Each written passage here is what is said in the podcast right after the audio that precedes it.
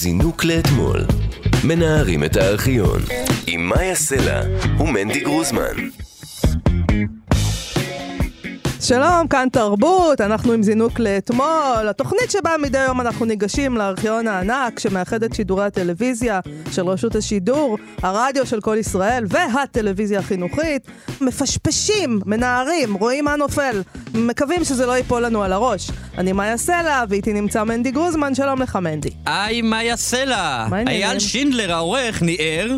נכון. ונפלה לו תוכנית אה, מיליטריסטית הייתי אומר משהו. נכון, נכון, אנחנו נדבר היום על תעשיית הנשק הישראלי, נדמה לי שהנשק... אה לא, תעשיית הנשק זה לא מלחמה, זה כסף. נכון, זה גם זה וגם. תחביב אחר זה שלנו. גם, נכון. סוחרי נשק, בשבילי אגב, אה, סוחרי נשק אה, תמיד היה מין כינוי גנאי כזה. באמת? הכי, הכי גרוע שיכול להיות. אבל למה? כן, סוחר נשק.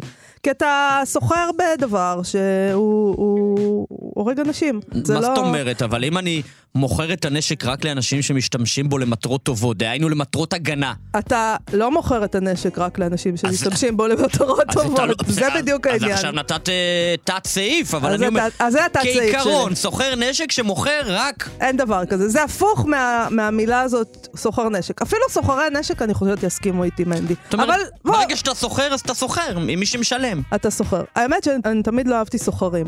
אבא שלי תמיד היה.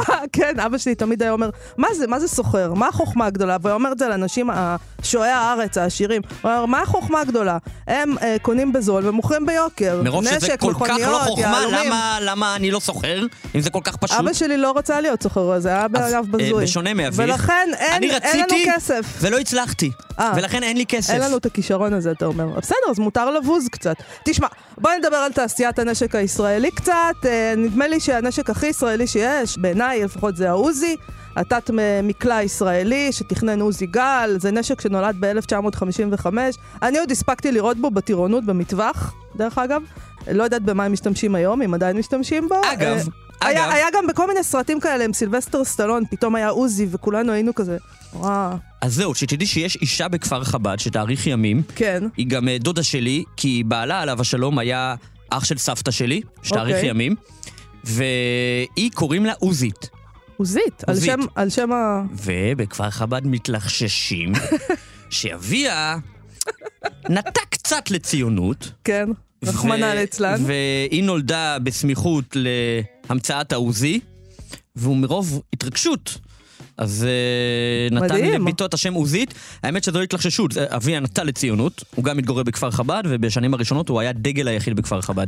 מדהים. אז העצמאות. לציונות זה כמו שאני אומרת סוחרי נשק, אתם לא, אומרים תש- לציונות. לא, אל תשווי, אל תשווי. ציונות זה יותר גרוע. ציונות.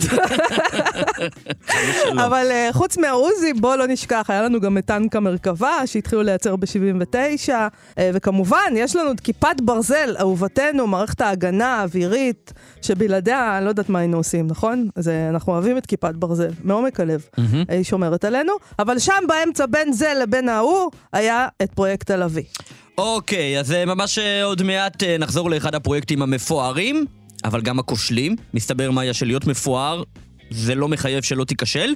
אז נחזור לאחד הפרויקטים המפוארים הכושלים של תעשיית הנשק הישראלי, הלא הוא פיתוחו וגניזתו של מטוס הלוי, ובהמשך נציץ גם לאיזשהו מזל"ט, גם, שהיה לנו אה, חלק אה, בפיתוח שלו.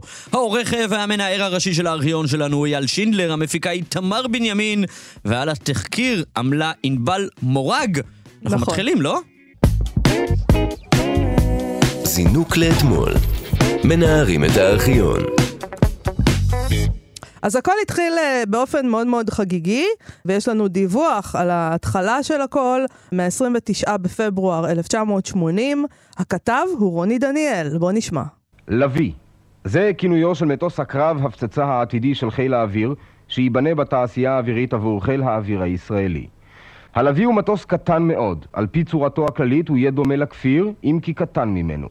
המחיר שיידרש כמיליארד דולר עד להוצאת המטוס הראשון. משך הזמן, שמונה עד תשע שנים, עד שמטוס הלוי הראשון יימסר לחיל האוויר. טוב, אה, מאיה, את מיד תתייחסי אה, לתוכן ולמהות, אבל אני כידוע לך אה, איש של צורה, פחות של תוכן, ומה שאני תפס את אוזניי בקטע הזה, הוא שרוני דניאל, שהוא כתב שפעיל עד היום, ברוך השם, שיאריך ימים, אמר חייל. גם אני שמתי לב לזה, חיל. חיל האוויר, חיל האוויר. והיום אומרים חיל האוויר. נכון, הוא חיל אמר האוויר. חייל בציירה. נכון. בציירה, כאילו בחיידר. וככה הם דיברו, אז לא אז למה. זהו, אז למה הוא אגב, רוני הפסיק? דניאל, אני חייבת להגיד, אני לא הייתי מזהה. אם לא. לא הי- לא היו אומרים שזה רוני לא, דניאל. ממש נכון? זה לא. לא נשמע כמו עצמו. כן, הוא כולם התבג- נשמעים הוא משונה. התבגר לא טוב. אתה חושב?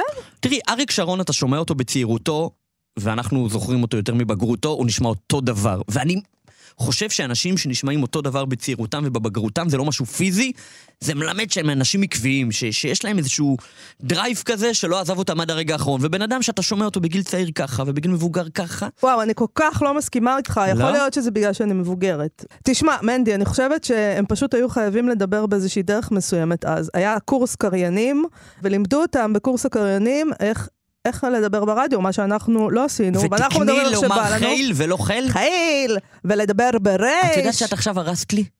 כי אני מדמיין עולם יפה שהיה ונמוג לפני כמה עשרות שנים, שכולם דיברו בטבעי כמו יהודים, ואמרו חיל. לא, לא. אני חושבת שכשהוא יצא מהאולפן הוא אמר חיל האוויר, כמו שאומרים. Mm. פשוט באולפן הוא היה צריך להגיד, אחרת אה, יועצת הלשון הייתה מעירה אז. גם פעם לא היה כיף. יועצת הלשון, אבל לא השתנתה. בכל אופן, למרות ההתחלה החגיגית, הבעיות הגיעו מאוד מהר. כבר אחרי חודשיים נדרש משרד הביטחון לקצץ בתקציב, אה, ובוא נשמע את שר הביטחון אייזר ויצמן. מבקר בתעשייה האווירית. להביא יטוס, להביא מטוס יוצא מן הכלל, וזה הנוער שיבנה אותו. אי אפשר כל יום שני וחמישי לבוא עם קיצוץ מחודש. קיצצנו מ-77 ועשינו את כל מה שאנחנו יכולים. מערכת הביטחון התייעלה ואנחנו נקצץ גם לפי תוכנית, לא לפי שיגעונות רגעיים של אינדקסים ולא לפי uh, שינויים אחת לשבועיים, אחת לחודש. אז אתה שם לב שהוא מדבר על עובדי התעשייה האווירית, אייזר ויצמן, היהירות הזאת של שר הביטחון, הטייס, אתה יודע, זה אז היה, שהוא אומר על עובדי התעשייה האווירית, זה הנוער שיבנה אותו. נוער! את ראית פה התנסות? אולי הוא רואה בהם פשוט אנשים מאוד צעירים. את יודעת, להגיד על חבר'ה נוער זה, זה לאו דווקא לא התנסות. יודעת, יש פה איזה אה, תערובת בעיניי של אה, ציונות, זאת אומרת, הנוער בונה את הארץ ובונה את הנשק, אבל גם התנסות, שהוא ה- הוא הטייס, הוא השר, הוא ה... כל הדבר האם הזה. את יודעת שעזר ויצמן הוא זה שטבע את הסלוגן הנצחי הטובים לטיס? בוודאי. טובות לטייסים גם. זה לא יודע אם הוא טבע. למרות אני שמתאים לו. חושבת, מתאים לו לגמרי. מיידלה, ואת המיידלה הוא לא כן. המציא גם, אבל הוא אהב להשתמש. אה, אוקיי. בכל מקרה, לא, המפקד גם חיל האוויר צריך לומר. נכון, נכון. עזר ויצמן היה דמות אה, מאוד מרכזית במדינה הזאת במשך הרבה שנים והרבה מלחמות וממשלות. והוא רצה את הלוי, וכל הטון דיבור שלו הוא כזה, אל תבלבלו לי את המוח, נכון? אל כן. תבלבלו לי את המוח עכשיו עם השטויות זה שלכם. יעלה כסף, וכי זה צריך לעלות כסף. נכון, וזה הנוער שיבנה אותו, וזה חצי ציונות וחצי התנשאות, בעיניי כמובן.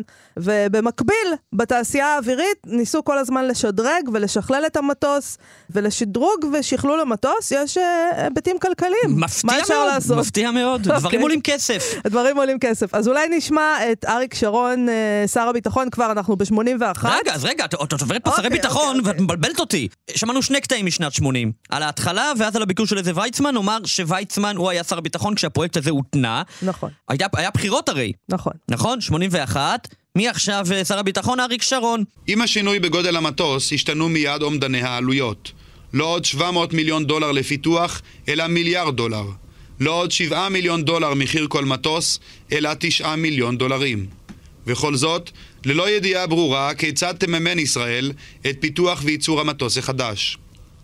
אריאל שרון, שהחליף את מנחם בגין בתפקיד שר הביטחון, ביקש לבדוק שוב את המשמעות הכספית הכבדה של הפרויקט, ועצר אותו למעשה לשישה חודשים.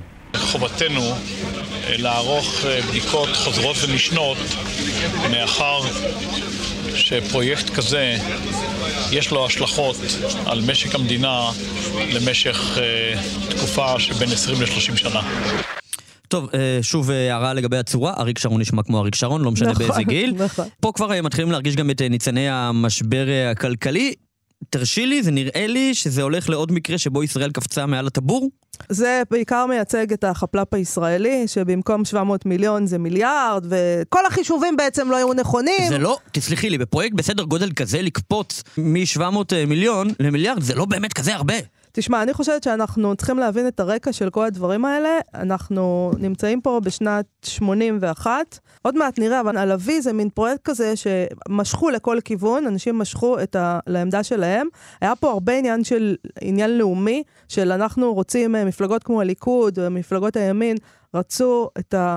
נשק שיהיה עליו, אתה יודע, שאחר כך הוא יטוס מעל שמי אושוויץ ביום השואה, Mm, אה, ושזה יהיה ישראלי. mm, אה, כחול אבל, לבן. אבל יש לנו אינפלציה, ויש לנו מלחמת לבנון, עוד שנייה, Mm. אוקיי? יש לנו פה דברים שעולים כסף. כן. אה, אז אל תגיד, לא אה, זה לא. משנה אם זה מיליארד. שאני עוד לא נולדתי.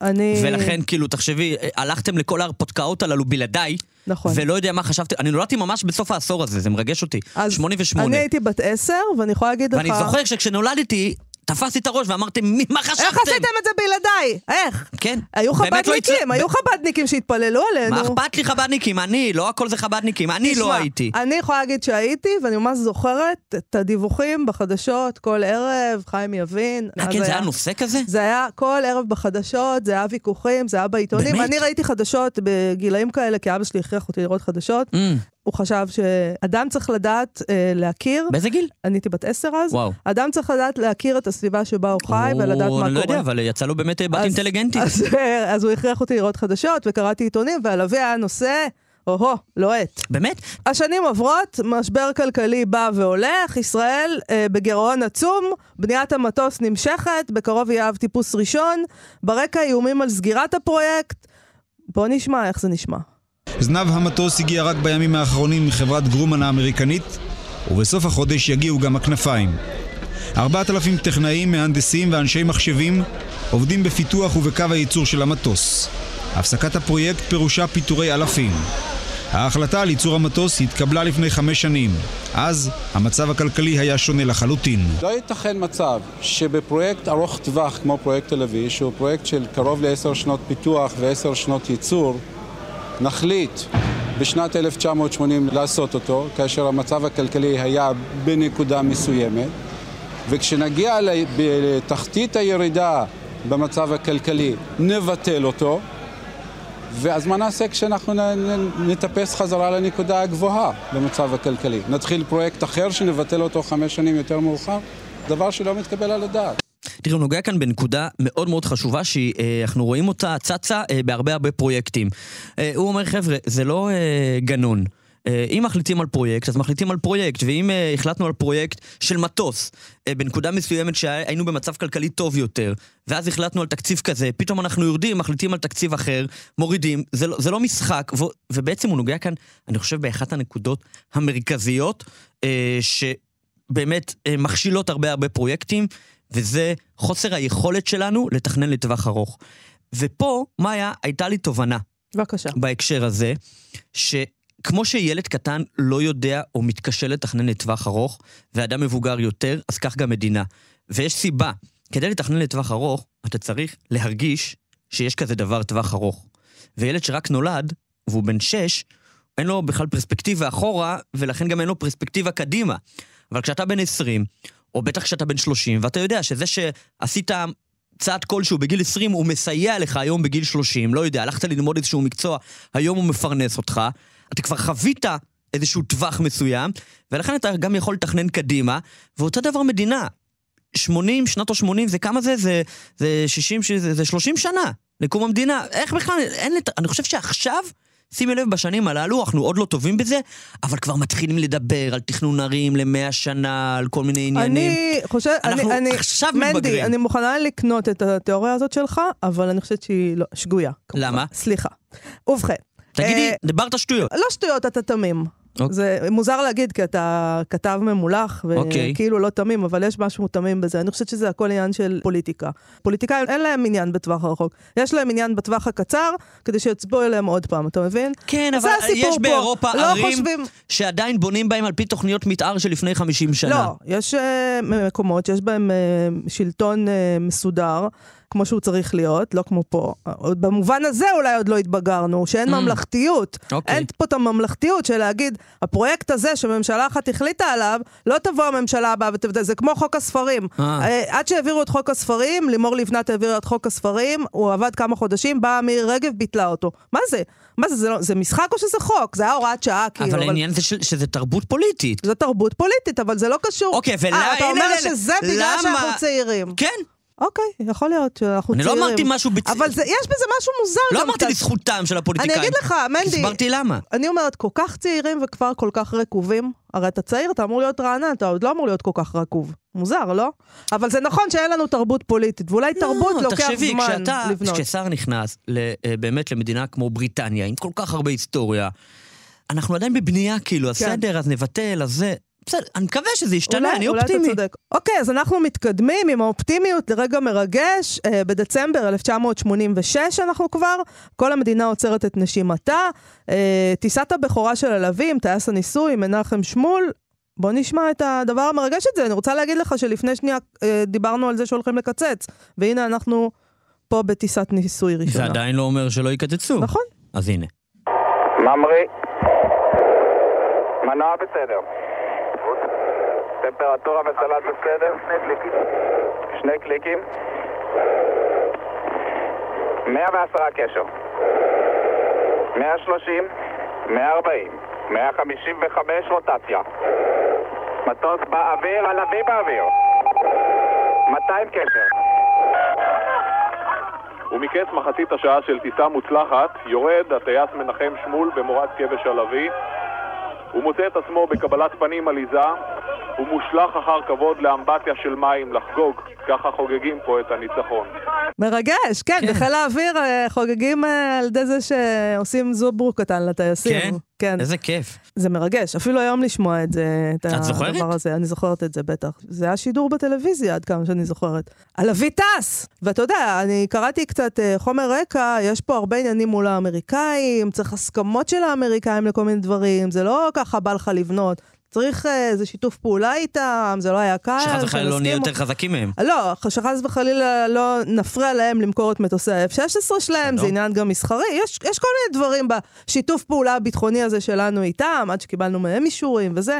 זה, זה פרויקט מאוד מסובך, מאוד גדול, כן, גם מאוד יקר, יכול להיות שקצת גדול עלינו, אולי. ולמרות אה, טיסת הבכורה החגיגית הזאת, אה, הזמן עובר, המטוס עדיין לא באמת הושלם לחלוטין, אז הניסויים אה, בו נמשכים, ובמקביל לניסויים הממשיים הטכניים בו, גם שאלת הכדאיות של הפרויקט הזה כולו.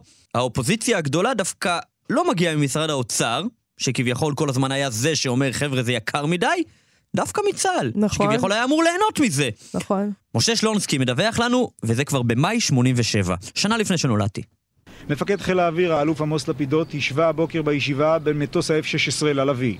שניהם מטוסים טובים, סיכם מפקד חיל האוויר. ומה על הבדלי המחירים, הקשה משתתף אחר בדיון. מחיר הלוי גבוה פי שניים או שלושה ממחיר ה-F-16. ראש אגף תכנון, האלוף אביהו בן נון, הציג את חלופות צה"ל ללוי. זוהי עמדה נוקשה הגורסת הפסקת הפרויקט וקניית מטוסי F-16 בארצות הברית. לשם הדברים האלה שאל השר הורוביץ את אנשי צה"ל, היכן הייתם כל הזמן? כל זמן הישיבה נערכה סמוך לבניין ראש הממשלה הפגנה מסודרת של אנשי התעשייה האווירית. ההפגנה הבוקר נדבך נוסף במערכה לגיוס הציבור והמחליטים להחליט נכון.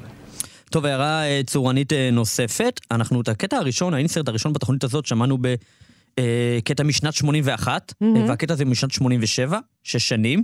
הטון ממש משתנה, ההגייה ממש משתנה. שלונסקי כבר מדבר כמונו. נכון, נכון. כבר, אה, אוקיי, מתחילים להשתחרר שם ברדיו. כן. חייבת להגיד, קודם כל, לא דיברנו על ההיבט הזה של הלוי, של ההיבט של האנשים שעבדו בפרויקט הזה. Mm. ויש פה איזה עניין כזה של ועדים, שהיה גם את ההתנגדות שלהם לביטול כמובן, הפחד הזה שיפטרו או מאות אנשים, אנשים עובדים בזה דבר, כן? וכידוע לך, ועד התעשייה האווירית זה ועד מאוד מאוד חזק, כן. כן. מהוועדים החזקים, אז היה גם את האלמנט הזה, אני זוכרת את ההפגנות האלה.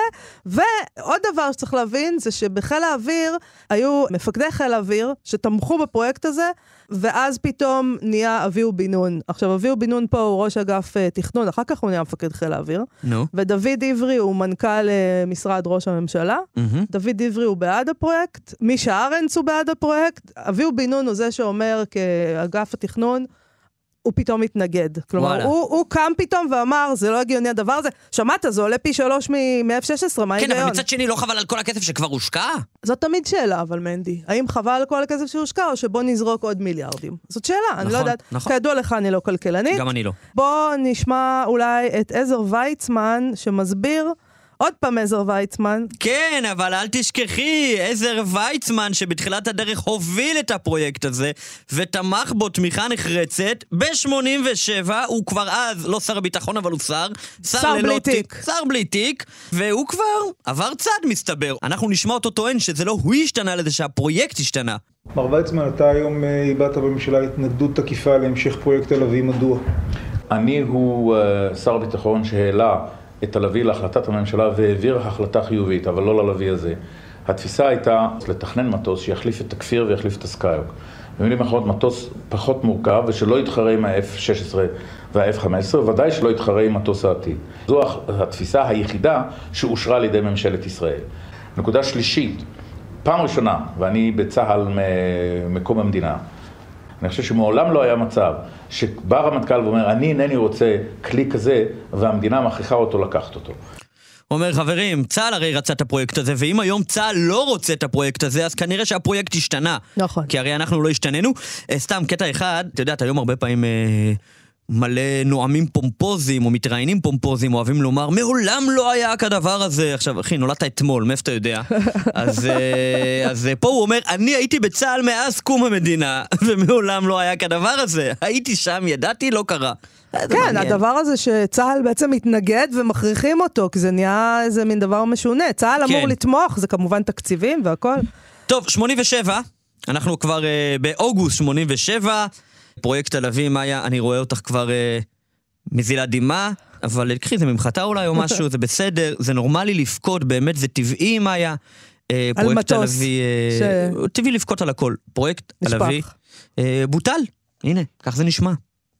שמחת ניצחון לא נקרא היום על פניהם של שרי המערך, אלא הייתה תחושה כבדה מפני התוצאות האפשריות. היחיד שחרג היום בממשלה ולא הצביע עם סיעתו היה שר האוצר.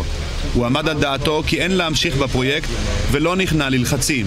חבריו בליכוד רואים לעומתו את ההחלטה כמשגה חמור שיסב לישראל נזק כבד. אני חושב שזו החלטה שגויה, שאנחנו עוד אה, נאכל אותה הרבה זמן, שהנושא הזה הפך להיות לנושא פוליטי, והמערך הפיל את אביב.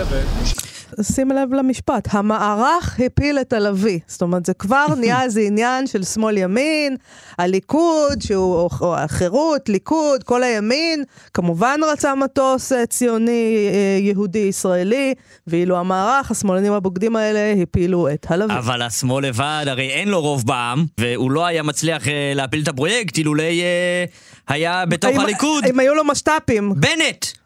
אם היה בנט, בדיוק. בתפקיד אז יש בנט. לנו בתפקיד בנט את משה ניסים, שר האוצר. כן. אה, אני חייבת לומר לך אני ש- צוחק.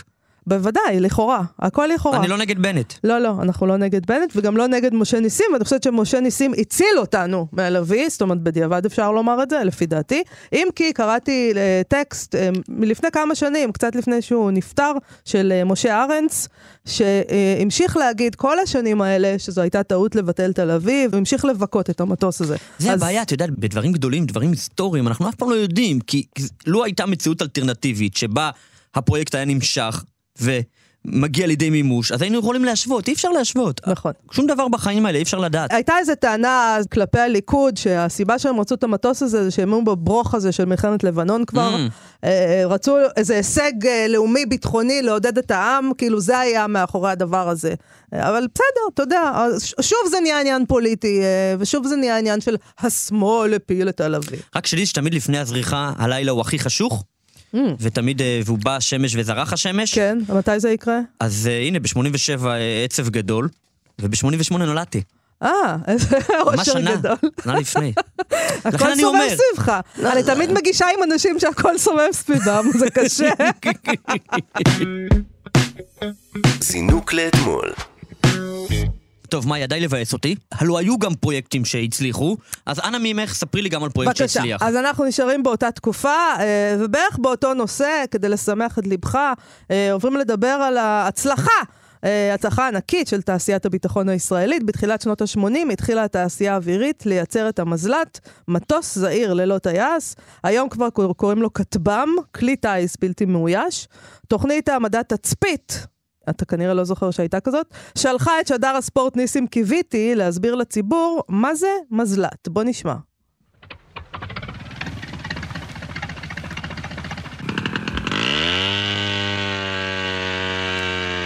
כשרואים את התמונות האלה מיד עולות מחשבות על נערים המטיסים טיסני צעצוע.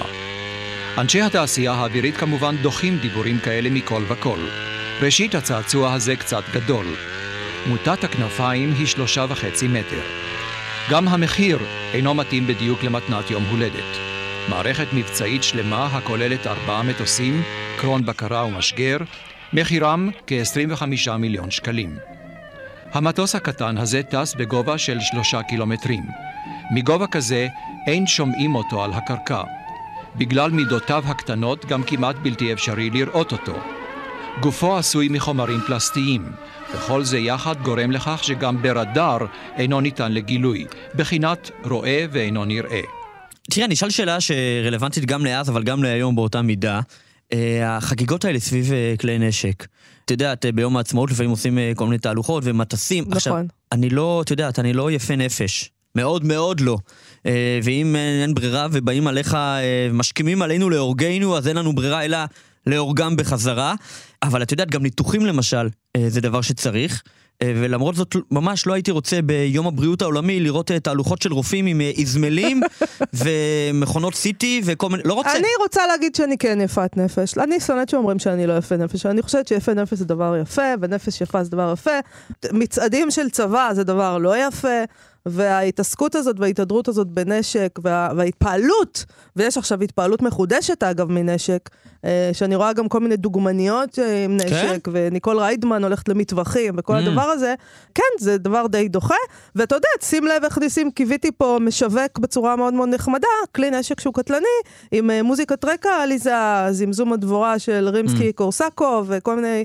הכל בעצם כיף, כיף לנו פה, עושים נשק, איזה יופי, כמה שאנחנו נחמדים. Mm. לא יודעת, צבא זה, נכון, זה דבר כנראה הכרחי, אה, בטח במ- במדינה שלנו, אבל לא צריך להפוך את זה לאיזה דבר עליז, כי זה לא עליז. נכון. אין בזה שום עליזות. נכון. אגב, אה, נדבר רגע על השינוי בשם אולי? למה השם השתנה ממטוס זעיר ללא טייס, מזל"ט, אה, לכטב"ם, שזה כלי טיס בלתי מאויש? ומסתבר שאני כנראה לא מספיק מעודכן, כי לא יודע אם בעודנו מדברים, אבל ממש בסמיכות לזה, השתנה שוב אה, השם אה, לכטמ"ם, כ"ט מ"מ, שזה אומר כלי טיס מאויש מרחוק, mm-hmm. כי הרי זה כן מאויש. בסוף הכל הבן אדם מפעיל, רק מרחוק. שחלילה לא נחשוב שיש פה כלי טיס שהוא פועל לבד, זהו על הכפירה. נכון. כפירה באדם. תשמע, אני מבינה שבמערך הכוחות ביני לבינך, אני אמורה להיות המומחית הצבאית, אבל למה? אני לא. לא, אתה שואל אותי למה, למה החליפו את השמות. לא, את- את מומחית למילים, מומחית למילים, אין לי פשוט. שמץ, אמנם שירתתי בחיל האוויר, אבל אני לא, אין לי שמץ של אה, תראי, מושג על מה הכי חמודה. ארץ נהדרת. אה, מותר לתת פה אה, אזכור לארץ נהדרת? עשו שם אה, לקט של הטעויות של הכתבים אה, בזמן המלחמה, כי את יודעת, דיברו מהר, מהר, מהר, מהר, מהר, מהר. והדעות הכי חמודה, זה פשוט כי גם אני מכיר את הכתב, וזה הכתב הכי חמוד, זה עקיבא וייס שלנו מכאן. כן. אה, והוא אה, אמר, כלי טיס בלתי מיואש. נכון, זה היה חמוד, ראיתי את זה. ואז הם פרסמו, ואז הוא עצמו כתב בטוויטר, רבי נחמן אמר, אין ייאוש בעולם כלל. יפה. אז זה הסבר טוב. לא, אני. רואה, אם אתה שואל אותי על מילים, אז אני רואה שהתחילו עם מטוס זעיר ועברו לכלי טיס. Mm. מטוס זעיר ללא טייס, אני זוכרת שהשתמשו במילה הזאת, וזה נשמע חמוד כזה, באמת, מטוס זעיר ללא טייס. אה, טיסן כזה של. ילדים. נכון. אתה יודע, הם- הם לא רצו כנראה את המטוס זעיר, כמובן השערה שלי כרגע, הם רצו כלי טיס, כלי טיס כן, זה אבל כבר זה לא נשמע- משנה, כי אומרים את זה בראשי תיבות, אז מזל"ט לא נשמע פחות רציני מ... כל אה, הכלים השתכללו, ואז Mm. קראו לזה בשמות אחרים, וגם יכול להיות שרצו, זה אנשים שנחשבים לתומכי לחימה. Mm. זה שהם, שהם לוחמים כאילו באיזושהי דרך. Mm. האנשים שמשרתים שם, אז אולי אה, זה קשור לזה שהם רצו להיות אנשים שמפעילים כלי טיס, ולא מטוס זעיר חמוד, Mm. טיסן מנייר. טוב, אה, אז, אה, אבל אז אנחנו עדיין מדברים על המזל"ט. בוא נשמע עוד קצת בעצם עליו, ניסים קיוויתי מביא עוד קצת מידע על הדבר החדשני הזה. רגע, אני חייב לעצור אותך. ניסים קיוויתי, איזה שם, כאילו... ניסים קיוויתי, הוא היה שדר הספורט האגדי. כן, מה זאת אומרת? בוודאי. קיוויתי השם משועתך תמיד. קיוויתי שתבוא, אבל לא באת, ניסים. וואי, בטח שיגעו אותו, אה? לא, לא היו כמוך אז. קיוויתי. חיכו שתיוולד. שמע, אני אמשיך עם זה שעה עכשיו. המטוס מגיע בכוחות עצמו למטרות שתוכנתו לפני ההמראה, והתמונות משודרות חי לקרון. הטיסה האוטומטית שימושית במיוחד בשעה שהאויב מנסה לשבש את הקשר. בקרון, מפה, ועליה מצטייר באופן אוטומטי מסלול הטיסה המדויק. המחשב רושם בעצמו גם את נקודת הציון וגם את שעת המעבר. כך מתקבלת כל העת תמונה מדויקת בשידור חי. במקביל גם מקליטים את הצילומים ושומרים אותם על videotape. צעצוע יקר למשימות סודיות. קיוויתי שהוא ימשיך. ממש קיוויתי שהוא? ימשיך, כן. צעצוע יקר למ- קיוויתי למשימות שקיוויתי ימשיך. סודיות. אני עדיין ב... אתה עוד שם? קיוויתי. אם אתה עוד שם, אז אנחנו נבקש מאייל שינדלר שבאחת התוכניות הבאות יביא קצת אה, פרשנות ספורט של ניסים קיוויתי, כדי כן. שתבין על מה מדובר אנחנו. ממש מקווים זה לנו את הדבר, קיוויתי. זה הדבר. אה, כולי תקווה. אה, חייב לומר שהוא מתאר כאן את הצעצוע המאוד יקר הזה בז- בזמן אותם הימים, ולי זה היה מרגיש שהוא מתאר ווייז, כן? מפה מצטיירת על המחשב, אה, נשמר המסלול. יכול להיות שזה חלק מהשכלול של הדבר הזה, אבל תשמע, זה שינה לגמרי מבחינתנו את ברור. אה, שדה הקרב, כל העסק הזה, וזה גם כנראה יותר זול, אני לא בטוחה, אבל נראה לי שזה יותר זול ממטוס קרב, מהמם. יש להניח, וגם אנשים לא נהרגים. וגם אנשים לא נהרגים. זאת אומרת, נהרגים, אבל לא, לא אנשים אה, מהצד שלנו.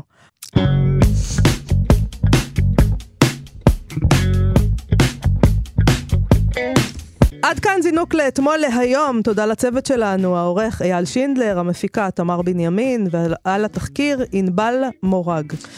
אתם יכולים אה, להאזין לנו מתי והיכן שאתם רוצים, דרך ההסכת שלנו, זינוק לאתמול. ההסכת הזה זמין לכם באפליקציה של כאן, באתר של כאן ובכל יישומוני ההסכתים. גם ספוטיפיי, סתם זורק רנדומלית. גם אבל, באתר החדש והמעולה, כאן ארכיון. שם גם תוכלו לשמוע, אבל גם לראות את חלק מקטעי הוידאו שאנחנו משמיעים, כי חלק מהקטעים שהשמענו זה בעצם הטלוויזיה, פשוט השמענו כי אנחנו ברדיו. נכון. מצחיק. אם אתם רוצים להגיב או לבקש קטעים שנשדר כאן, אפשר לכתוב לנו דרך הפייסבוק, זינוק לאתמול. אה, מחר, בשעה 4, זינוק לאתמול נוסף. אנחנו בימי שני, לא לשכוח את זה, היום החשוב בשבוע. כן, קיוויתי, מה המצב? אה, תודה, מאיה. תודה רבה לך, מנדי גרוזמן. ביי. להתראות. זינוק לאתמול. מנערים את הארכיון.